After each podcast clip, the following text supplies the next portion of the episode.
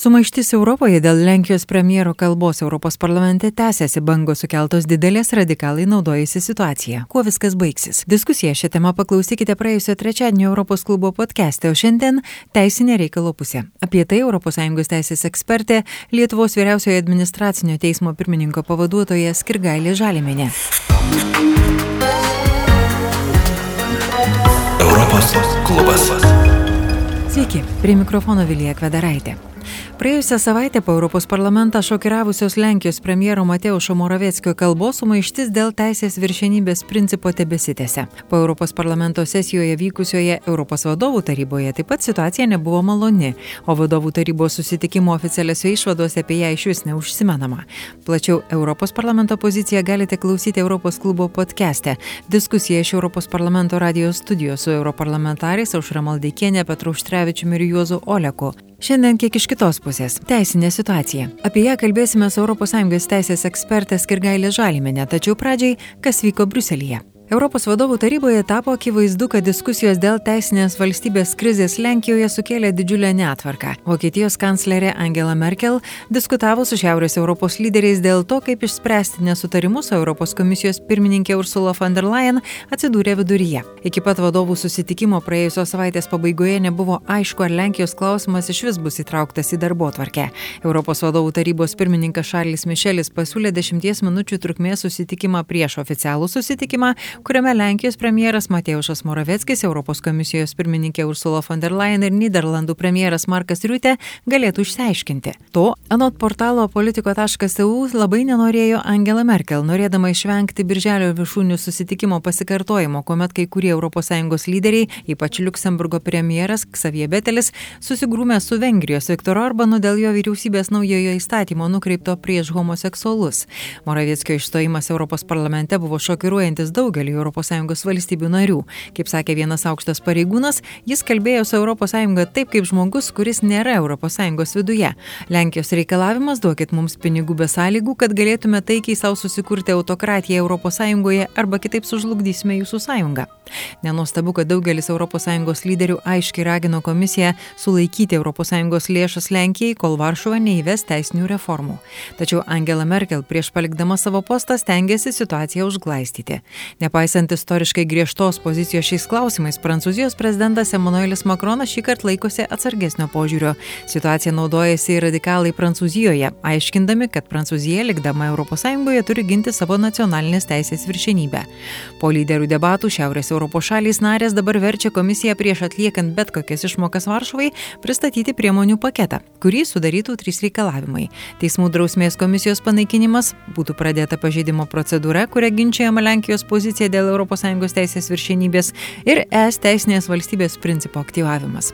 Plačiau apie tai pokalbis su ES teisės eksperte ir Lietuvos vyriausiojo administracinio teismo pirmininko pavaduotoja Skirgailė Žalimėnė tas argumentas kad europos sąjungos teisės viršenybė naudojama es galių plėtrai kaip čia ir premjeras lenkijos išsireiškė garsiai kad jeigu jūs norit suverenios valstybės tai taip ir sakykit atsiklauskit visur darykit. Na buvo čia tų visokių ne sakykim išsireiškimų tokių pakankamai aštrių išsakyta ir kurie skambėjo net neskaniai vietom.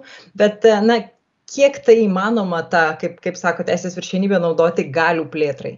Ar taip yra? Ar ar tai daroma Na, iš tikrųjų, e, šiandieną sekant ES teisingumo teismo praktiką, e, na, nepatyrusiam gal skaitytojui gali ir susidaryti toks vaizdas, bet, e, na, manyčiau, kad yra svarbus keli aspektai šiuo atveju. Vienas aspektas yra tai, kad valstybės narės, stodamas į ES, E, dalį savo kompetencijos priimti teisės aktus perleidžia Europos Sąjungai ir tai yra neginčiama ir tai jos susituria tiesiog pasirašydamos stojimo sutartis į Europos Sąjungą.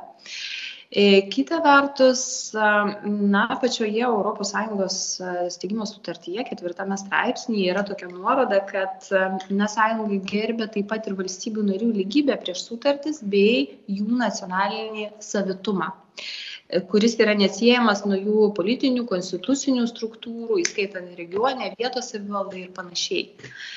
Tai e, šiuo atveju e, vienas dalykas, kurį norėčiau labai akcentuoti, kad valstybės, stodamas į ES, perduoda savo dalį e, kompetencijos priimti teisės aktus, tačiau jų rankose lieka ta kompetencija kurti kompetenciją. Ir šitos nuostatos realiai, na, jos niekas nekvesionuoja ir ES institucijos, manau, taip pat to nekvesionuoja, kad kompetencija kurti kompetenciją tai yra, na, tikrosios teisės e, lieka e, vis tiek valstybių narių rankose ir jos e, laikas nuo laiko gali peržiūrėti savo ir tartutinius įsipareigojimus ir nutarti dalyvauti, nedalyvauti tam tikroje organizacijoje ir panašiai. Bet taip pat su šito klausimu yra susiję kai kurių e, ganėtinai, sakyčiau, tikrai stiprių ir tikrai ir te, iš teisinės pusės tikrai labai stiprių ES valstybių narių, na, aukščiausių teismų, konstitucinių teismų pozicijos. Ir be jokios abejonės, man atrodo, kad mes visi prisimenam praeitų, na, už praeitų, praeitų metų 20 metų, gegužės 5, e, gegužės 5 e, dienos federalinio konstitucinio teismo antrojo senato na, sprendimą, e, kuriuo jisai. E, Čia Vokietijos, taip? Taip. Mhm kuriuo jisai pateisin, patenkino du kelis konstitucinius skundus, būtent nukreiptus prieš Europos centrinio banko viešojo sektoriaus pirkimo programą. Ir toje byloje ėjo kalba apie ES institucijų veikimą ultravirės. Ir būtent Vokietijos konstitucinis teismas 20 metais iš ties grįžo ir paminėjo savo na, senus sprendimus, tai yra internacionalė Handelsgesellschaft, tai yra Zolangė 1, Zolangė 2 ir panašiai.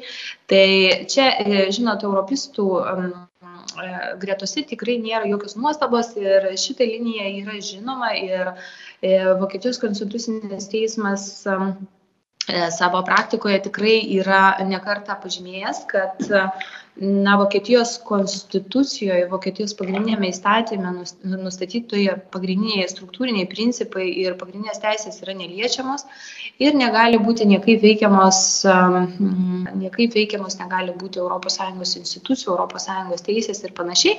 Ir aš sakyčiau, kad 20 metų E, federalinio, Vokietijos federalinio konstitucinio teismo antrojo senato sprendimas e, iš ties e, tik patvirtina tą pačią jų poziciją, tačiau dar papildomas yra akcentas į ultravirės, kad galbūt ES institucijos, tame tarpe ES teisingumo teismas toje byloje, nes buvo prieš tai ES toje byloje, tuo pačiu klausimu ES teisingumo teismo sprendimas, tai kad vis dėlto visos šitos institucijos galbūt veikia na, ultravirės ultravirės, nes Vokietija nebuvo per... Ultravirės tai gal, gal pa, ne, paaiškinkite truputį. Tai e, ultravirės tai mes turim, na, tai reiškia, kad peržengiant kompetenciją. Tai šiuo mhm. atveju ginčas vyksta toje plotmėje, kad vis dėlto yra vertinama valstybės narės taip pat savo norėtų pasilikti e, kompetenciją tikrinti ES institucijos, neperžengė tos perduotos kompetencijos. Tai yra, tai yra nėra ginčio dėl to, kad tam tikra kompetencija yra perduota ES institucijoms kurti teisės aktus, ją kontroliuoti ir, panašiai. Bet iš kitos pusės, na, kas tą turėtų kontroliuoti? ES teisingumo teismo e, praktikoje yra pažymima, kad tai turėtų kontroliuoti tik ES teisingumo teismas. Tuo tarpu, na, kaip matome, Vokietijos federalinis konstitucinis teismas, čia galėčiau įsiplėsti apie Ispaniją, Italiją, bet Na, e, charakteringiausi šiandieną pavyzdžiai, tai turbūt Lenkijos konstitucinio teismo šiandien pavyzdys, na ir tas Vokietijos konstitucinio teismo pavyzdys. O kuo jie skiriasi, nes juos, na, bet taip kažkaip vienas lyg ir nekelia tokių labai daug, ar ne, o, o kitas štai žiotažas didžiulis ir, ir gal pasiekmes net visiškai skirtingos, nežinau. Na, o Lenkijos atvejais, tai um, mes turėkime omeny, kad Lenkijos atveju taip pat eina kalba apie teismų sandarą, teismų uh, struktūrą, apie teismų kūrimą ir panašiai. Ir turbūt iki tų Lenkijos bylų, uh, iš tikrųjų mes turim ją didelę seriją tų, tų bylų ir mes 19, nuo 19 metų metų praktiškai jau sekame, tai ar prejudicinių sprendimų pagalba, ar tiesioginių ieškinių pagalba. Na, e, tiesiog matom, kad formuojasi tam tikra praktika. Na ir, žinote, iki, iki to laiko tiesiog mes taip aiškiai nematėme ir niekada nesugalvojom ir ne, ne, nebuvom galbūt ir teisininkai to pripažinę, kad vis dėlto E, teismų, e, na, teismų teisėjų skirimo klausimai, teismų e, formavimo klausimai galėtų priklausyti, patekti į ES teisės reguliavimo dalyką. Kas atsitinka Lenkijos atveju? Lenkijos atveju na, e, teismas suformuoja, pradeda formuoti labai tokiam aiškę savo poziciją, kad vis dėlto ES sutarties 19 straipsnio pirmoji dalis, antroji pastraipa kalba ir yra nukreipta taip pat ne tik į Europos, apskritai tas 19 straipsnis liečia ES teisminių instancijų um, kūrimą, jų vietą ES institucijų sistemoje. Bet Teisingumo teismas sako, kad tai yra skirtas tas straipsnis ir reikalavimai tam tikri europiniai yra kylantis iš ES teisės. Tai yra taikomi ir nacionaliniams teismams. Ir ES teisingumo teismo logika yra ta, e, kad kodėl taip yra, todėl kad nacionaliniai teismai taiko ES teisę ir jie prižiūri, kad ES teisė būtų tinkamai taikoma, e, kad kiekvienas ES pilietis turėtų teisės ir laisvės, kurios išplaukia iš ES teisės. Ir todėl yra labai svarbu, kokie tai bus teismai. Juk mes e, Lenkijoje, aš nežinau, vieną tokį pavyzdį tiesiog pasakysiu, e, Lenkijoje, pavyzdžiui, visiškai normalus dalykas buvo, kad teisėjui, kuris kreipėsi į ES teisingumo teismą, E, norėdamas paklausti dėl ES teisės aiškinimo ar galiojimo klausimų, tai yra kreipėsi, stabdo bylą ir kreipėsi tam, kad siekdamas kuo tinkamiau, aiškiau taikyti ES teisę ir kuo labiau ją suprasti, e, visiškai natūralus dalykas, kad jam grėsia drausmės byla Lenkijoje tai šiuo atveju aš įsivaizduoju ir suprantu ES teisingumo teismo nusiteikimą ir, ir, ir, ir visų rimtumų tų klausimų sprendimą, nes principai ir Europ... tokiu būdu kyla didžiulė grėsmė pačiai ES teisės viršinybei.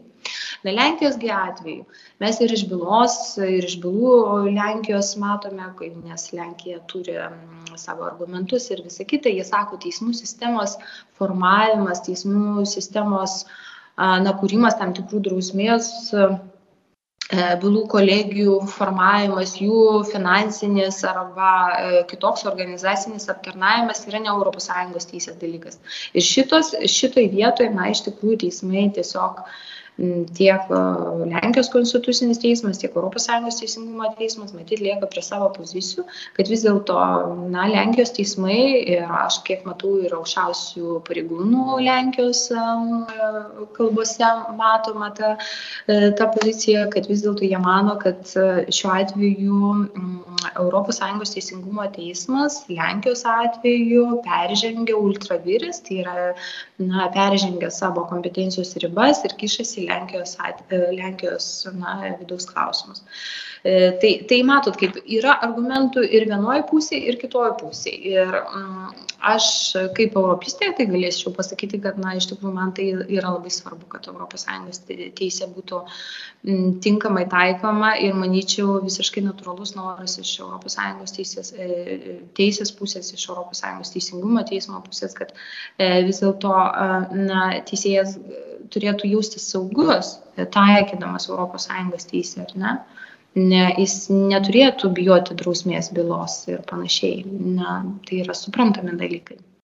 Ar galima sakyti, kad čia galbūt tam tikra prasme yra ginčas, kas aukščiau politika ar teisė? Ar, ar, ar politikai bando diktuoti sąlygas ir kažkaip tais persvarstyti, nes, na, kurį laiką nebuvo tokių problemų, ar ne? Ir, ir po tos, toje tai, pačioje Lenkijoje nuo 2004 metų galioja visas, visos tos sąlygos ir staiga, vat, prasideda. Na taip, aš manau, kad e, šita diskusija tai yra dėl, dėl tam tikrų prioritetų dėl to tam tikrų na, prioritetų tiek Lenkijos, tiek iš ES pusės.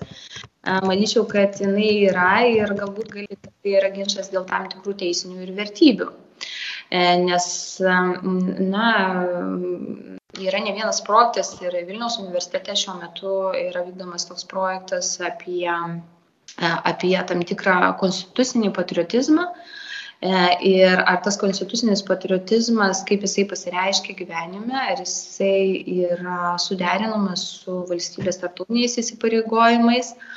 Ir šiuo atveju įdomu yra tai, kad e, iš ties e, tas projektas yra na, vykdomas kartu su Lenkijos mokslininkais, tai yra, kurie ir pasiūlė šią temą. Tai aš manau, kad na, Lenkijoje vis tiek na, yra gajos tos tikrai mintis ir, ir, ir įsivaizdavimas apie tą piliečių konstitucinės sąmonės didinimą, apie kaip, kaip konstitucinio patriotizmo pagrindą. E, na, jie kalba apie tam tikros demokratijos deficitą, jie kalba apie teisėtumo ES krizę ir jie norėtų grįžti prie savo esmės, prie savo nacionalinės konstitucijos ir savo nacionalinių konstitucinių vertybių. Ir aš manau, kad uh, Lenkijos konstitucinio teismo retorika galbūt yra panašiai į Vokietijos konstitucinio teismo retoriką, e, tik e, šiek tiek kitoje srityje.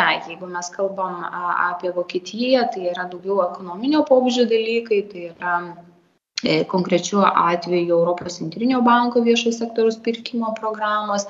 E, tai yra na, daugiau e, ekonominio lygio sprendimai. Tuo tarpu Lenkijoje mes turim tą būtent sritį tokią labai, sakyčiau, labai, labai labai jautrią, nes nacionaliniai teismai, na, teismai viena iš valdžios institucijų, ar ne?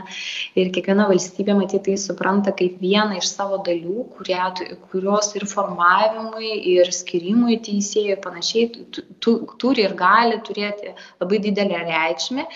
Ir aš suprantu da, iš dalies ir Lenkijos poziciją, nes jis sako, kad mes tokių dalykų neįsipareigojam ES, stodami į ES.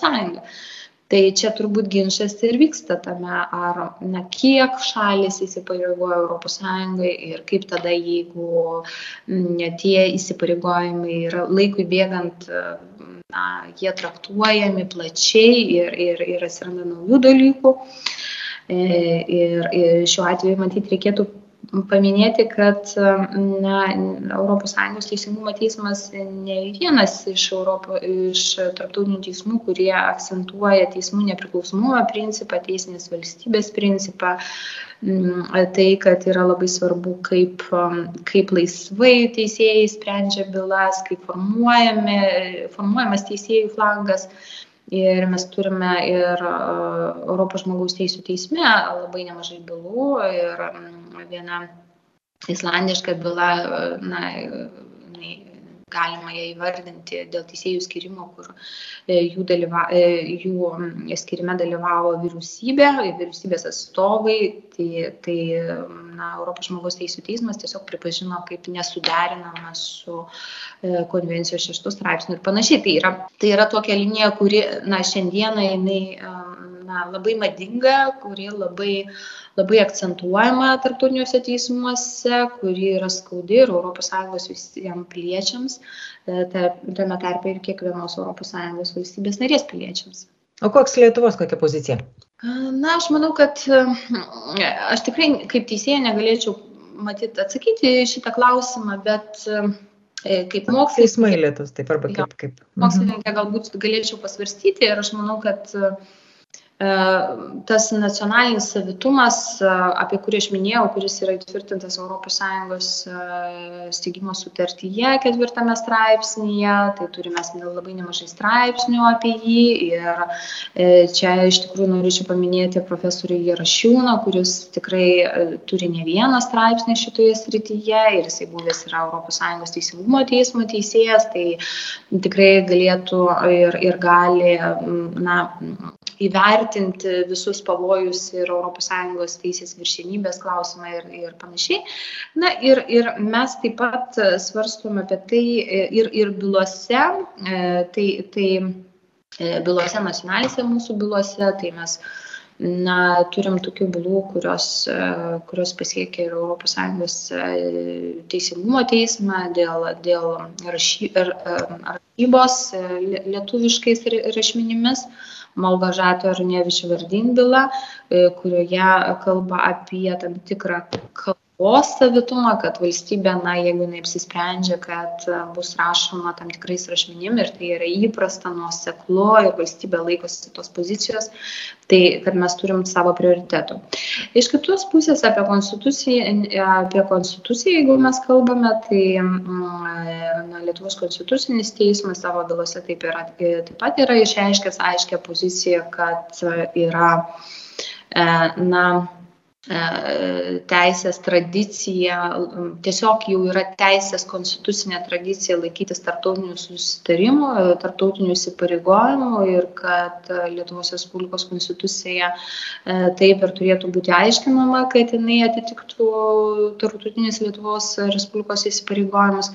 Kita vertus, tikrai Konstitucinis teismas e, dėl ES teisės viršinybės yra pasisakęs, kad ši viršinybė galioja visai Lietuvos teisės, skyrus Konstituciją. Tai Iš kitos pusės tik, tikrai Lietuvos konstitucinis teismas pripažįsta ES viršenybę, ta prasme, kad jis yra kreipęsis ir ES teisingumo teismą e, predicinio sprendimo, tai mes faktiškais veiksmais matome, kad e, vyksta tas teismų bendradarbiavimas, e, vyksta pripažinimas ES viršenybės.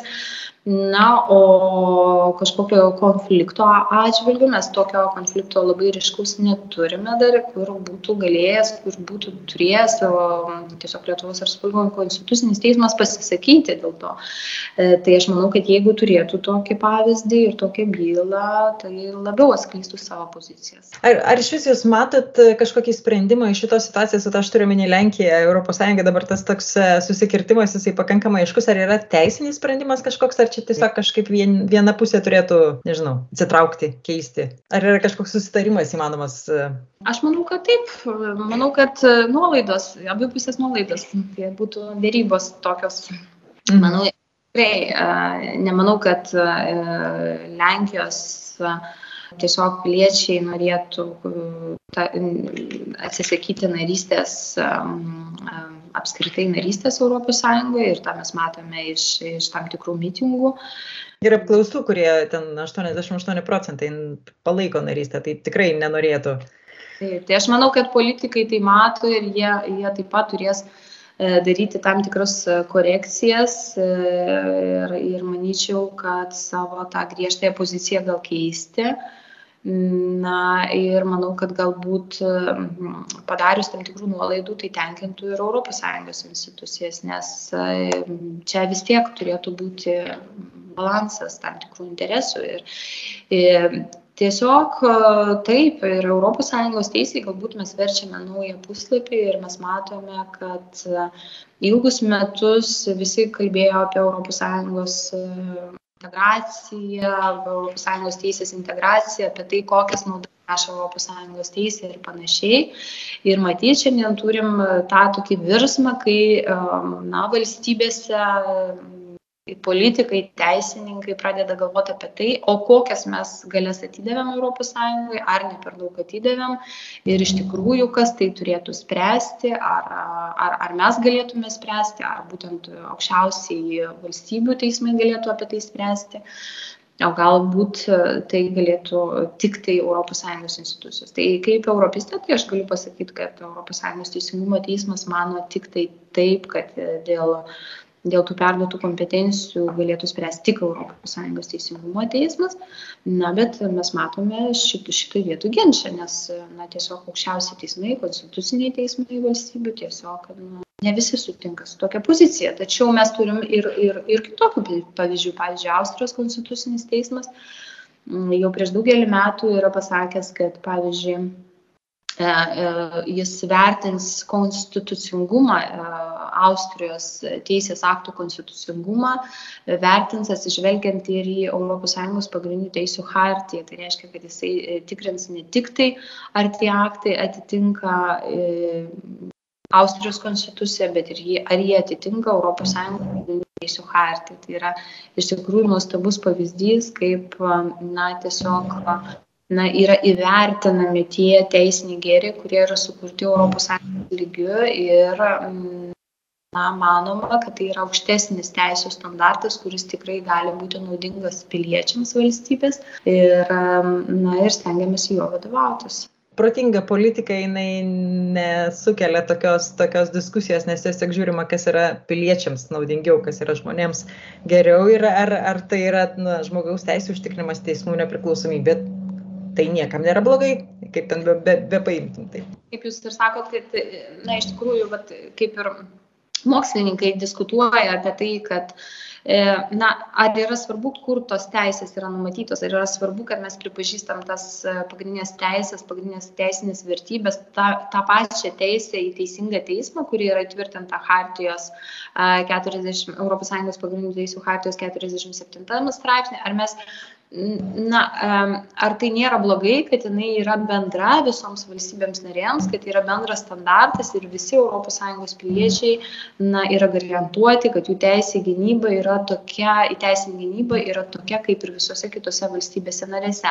Ar yra svarbiau, kad mes turėtume kiekvienas savo teisę į gynybą, kiekvienoje valstybė narėje ir su tam tikrais niuansais. Na, čia toks yra, nu, kaip ir idėjinis ginčas. Tai Taip. čia teisininkai irgi neatsakys į tokią klausimą. Na, iš tikrųjų, aš sakyčiau, kad tai yra tam tikras virsmas, tam tikras visos ir ES teisės istorijoje, tam tikras etapas, įdomus etapas, kuris negali būti vienareikšmiškai sutiktas, su, su, nu, sutinkamas ir, ir kalbama apie jį, nes na, ir viena ir kita pusė turi tam tikrų savo argumentų ir kiekviena valstybė narė, na, jinai irgi turi savo prerogatyvų tam tikrų, savo tam tikrų na, prerogatyvų, struktūrinių principų, kurie išplaukia iš jų konstitucijos ir niekas nenorėtų pažįsti konstitucijos. Ačiū Jums labai iš, už pokalbį, iš tiesų labai įdomu iš tokio, na, profesionalios pusės pa, panagrinėti tą klausimą, nes iš tikrųjų dažniausiai tai yra vis dėlto šūkiai ir politiniai pareiškimai, kas, kas skamba viešoje erdvėje netiek daug tos teisės ten belieka. Situaciją aiškina ES teisės ekspertė, kaip jis sako, Europistė Skirgailė Žaliminė. Visgi Vokietijos vis dar kanclerė Angela Merkel griežtai lenkė komisiją, kad šioji būtų švelnesnė. Pavyzdžiui, užuot numačiusi drausmės komisijos panaikinimą reikalautų, kad Lenkija imtųsi teigiamų žingsnių panaikinimo link, sako aukšto rango ES pareigūnas. Po praėjusios vadovų tarybos susitikimo taip pat panašu, kad Europos komisijos pirmininkė von der Leyen neaktyvins naujojo ES teisinės valstybės mechanizmo tol, kol kol galutinės nuomonės nepateiks Europos teisingumo teismas.